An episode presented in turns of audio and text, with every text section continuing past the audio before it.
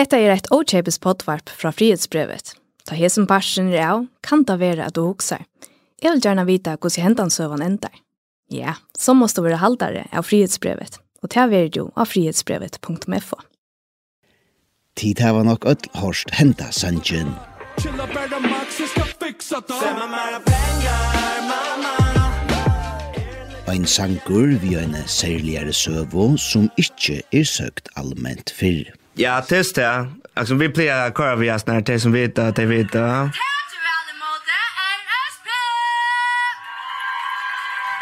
Rappararnir i RSP hava ikkje sagt meira enn neiot om Sanchen, som blei orsens sommar hit. Så jeg vet ikke hvor stjøp vi skulle være ut der, men altså, vi tror trimmer ikke kassa nere personer ut der. Handler med en kjellig henting for jo. Ja. Sanjen venda vid atter til 17. Tui vid byrja vid hui som tøyr ui RSP kalla eina tjejelia hending. Det er en søva om ein mann som vildi hava pengar. Tuinar pengar.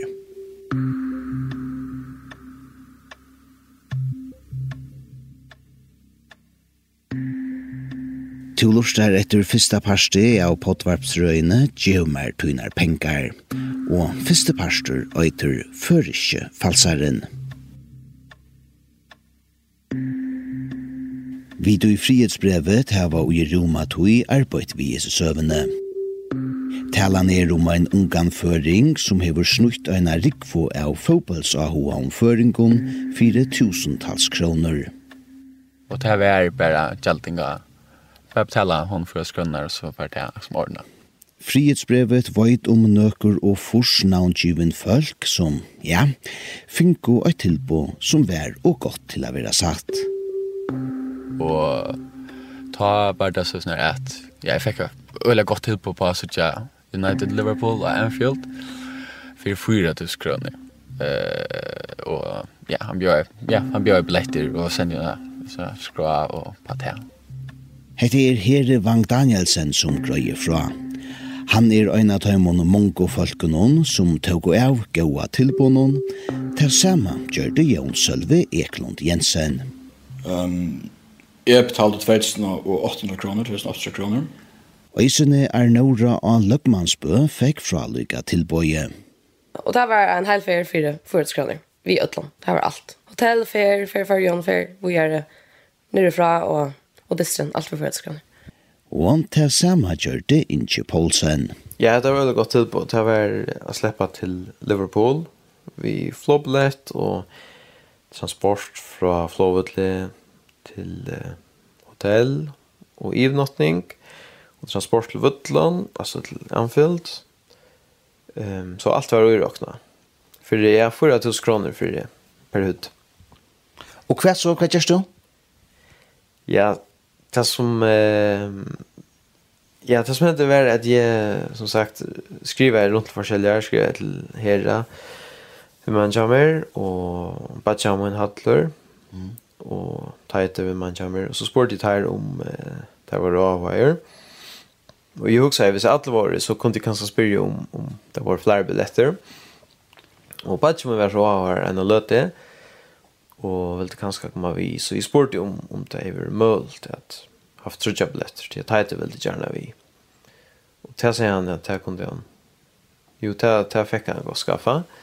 Alltså han klarar brödet där från tvär till trutja? Ja, han klarer å komme i trimen, ja. ja. Men eh, Batchman, han hoppet så fra at. Så det blev jeg och Heite. Um, så det blev tvär billetter. Hetta var i september 2021 at Inge fekk fralykka tilbøye. Nekrar vikur 17 fikk Arnora sama tilbå til sama tur. Ja, altså jeg minnes det faktisk ordentlig vel. Minnes det som om det var det var. Jeg vet ikke ordentlig hva. Um, men jeg minnes at telefonen plinket jeg med en injektor, og at jeg så så at det var en person som jeg ikke kjenner, eller en som ikke vanlig pleier å skrive vi.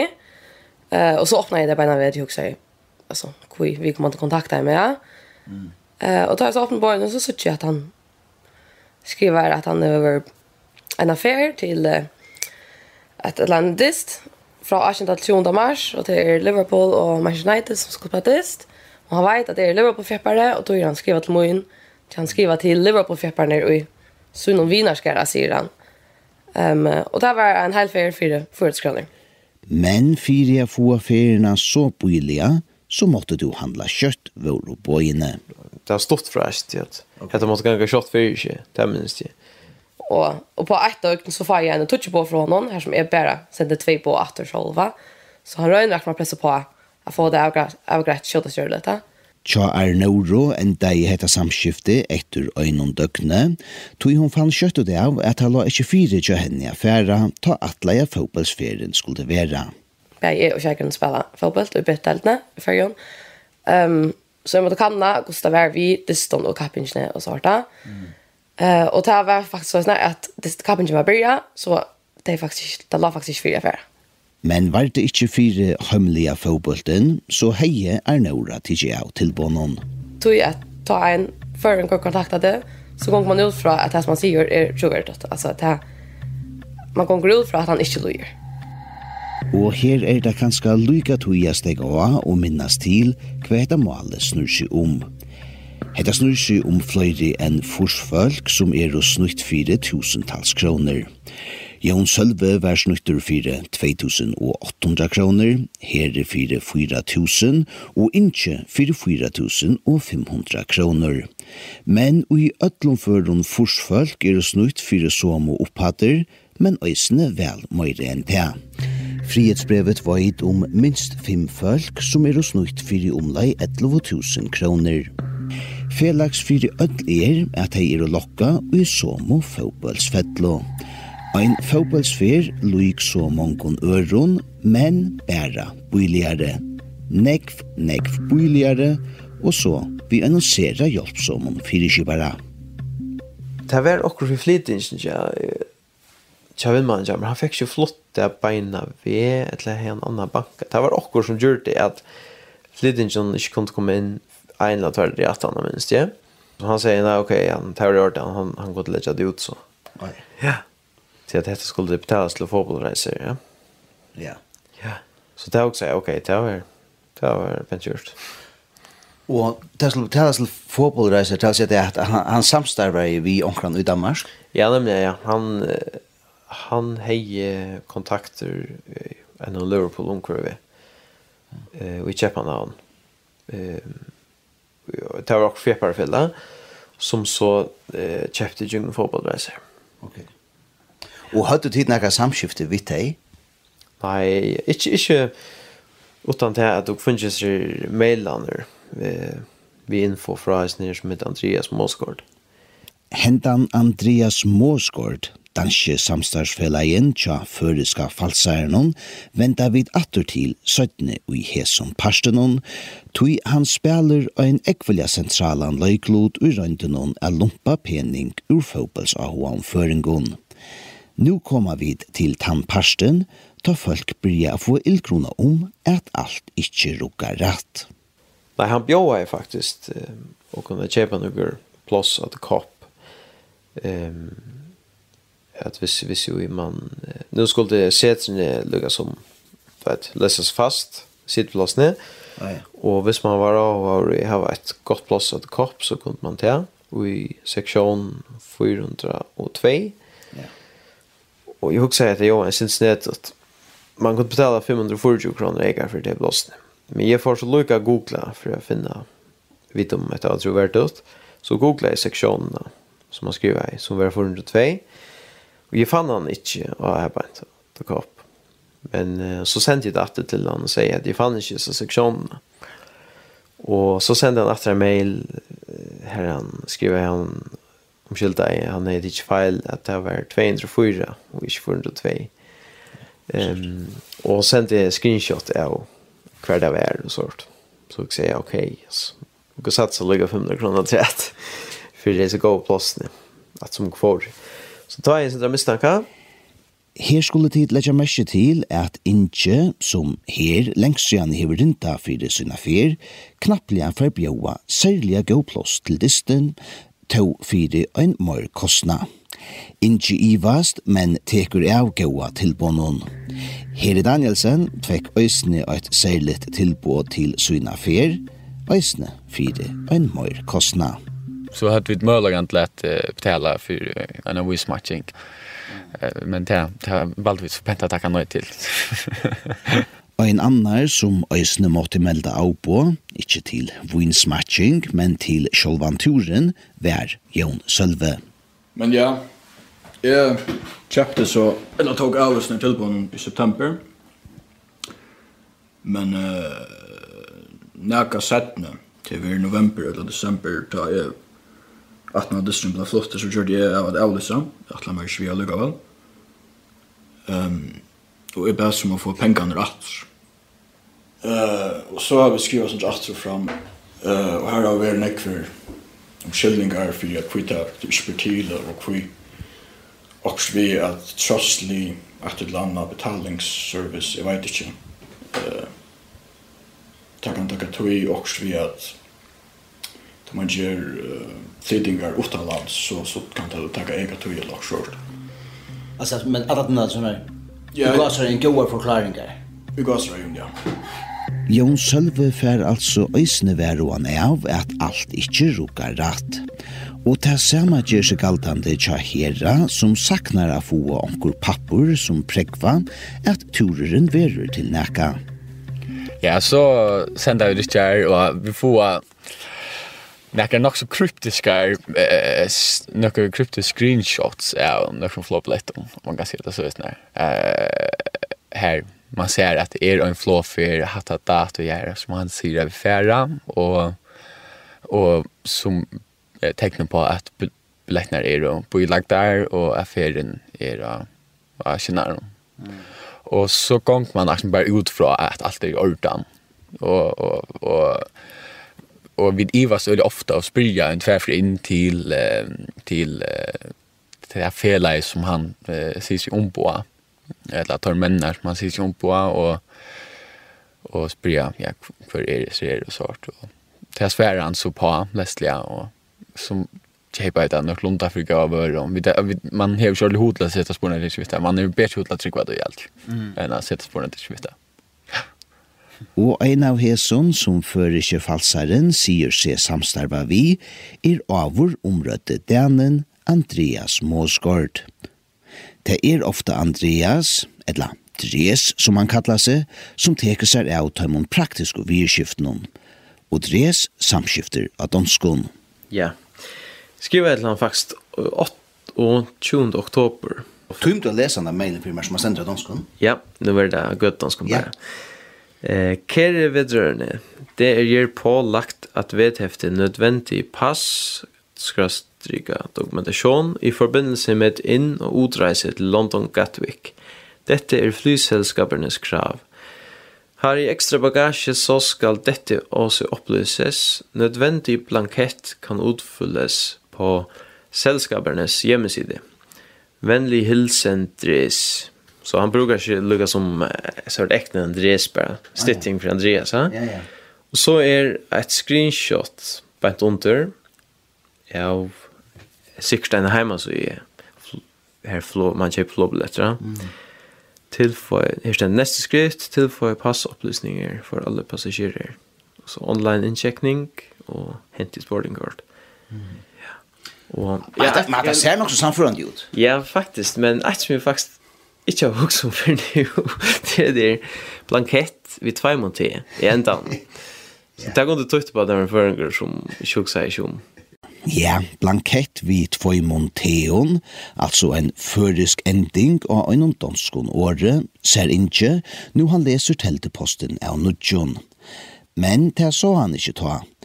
Han sa heller ikke underlige åringene som telteposteren byrjar vi. Eh, kere vedrørende. Tui sola sier du ikkje av danskon. Men heita er, som ikkje sjolver sier, latt et sutja nu. Ta vil han bæra sleppa sutja distin i middelen Liverpool og Manchester United. Tui at jeg hei yngsteis nok var, lukka som jeg var smådrager, om kan du kom nær til. Jon Sølve, som kjøpte sina fer for 2800 kroner, men som sujan i avluste turen, samskifte i øysene vi Andreas Måsgaard. Jeg skriver i 16. januar i 22 om det var noe nytt, vi vet ikke om det. Refunderingsene. Ja, du skriver, Hei igjen, er det noe nytt vedrørende refunderingen med vennlig hilsen Jon Sølve Eklund Jensen? Og så kommer svære her. Kære Jon, ja, vi har bebeidet fejlen. I forhold til den uformelle overførsel, så vil jeg foreslå, at du kontakter fodboldrejser.dk, uh, snabelaggmail.com og anmoder om refunderingen. De kan foretage sig normale overførsler til udlandskontor. Vennlig hilsen, Dres. Og her fikk øysene flere telteposter som enda vi så må halsan.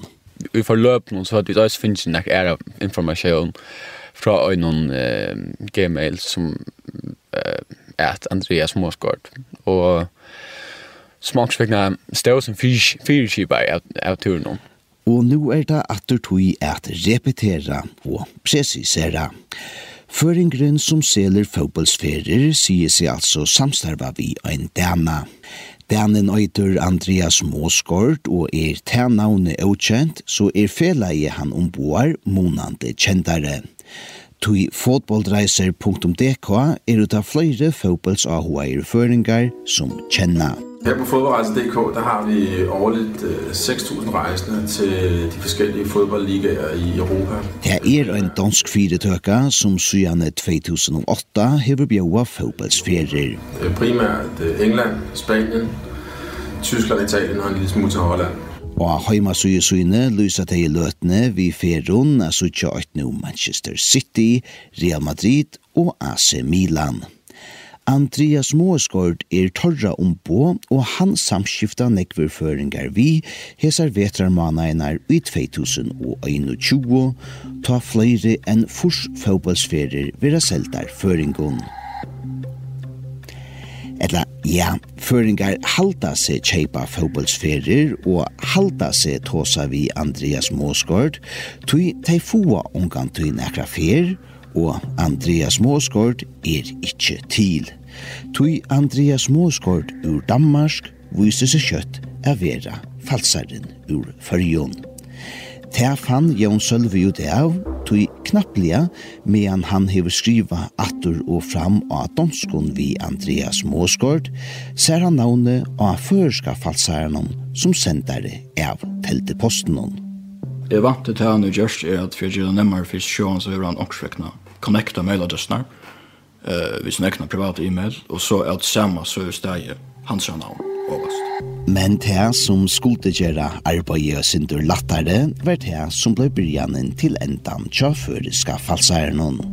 Det er faktisk her at han holdt større kava bøtteren tjafn ødlom fra rull, det er tar vi etter navnet som, eller det som er sjøen som er brukter som eh, dekknavn, faktisk blir det avstørre av. Søvan endar to ikkje her, lengt fra tui. Tui nu byrjar oppklaringar arbeidet. Jón Sølve hevur vi syne avdutjeng funnet det av at han vær snuttur. Så jeg har sett meg i samband vi fella og spurte om det hadde naga vi. Om det kjent naga til Male og til Andreas Moskard, og her var svære nei, det hadde absolutt ikke vi det ikke. Og her er Danielsen ferfætur ui Andreas Moskard, altså tui verilige Andreas Moskard. Og jeg spyr jo inn til henne mailen som Andreas Moskard Mosgård eh, sies, as jeg skulle haft og spyrje Andreas om han har en mailen og han sier han kjennes ikke vi handa mailen og sendt meg så sin velja mail Og hesson færa vita hitjana at i nasta parste er jo mer tuna pengar.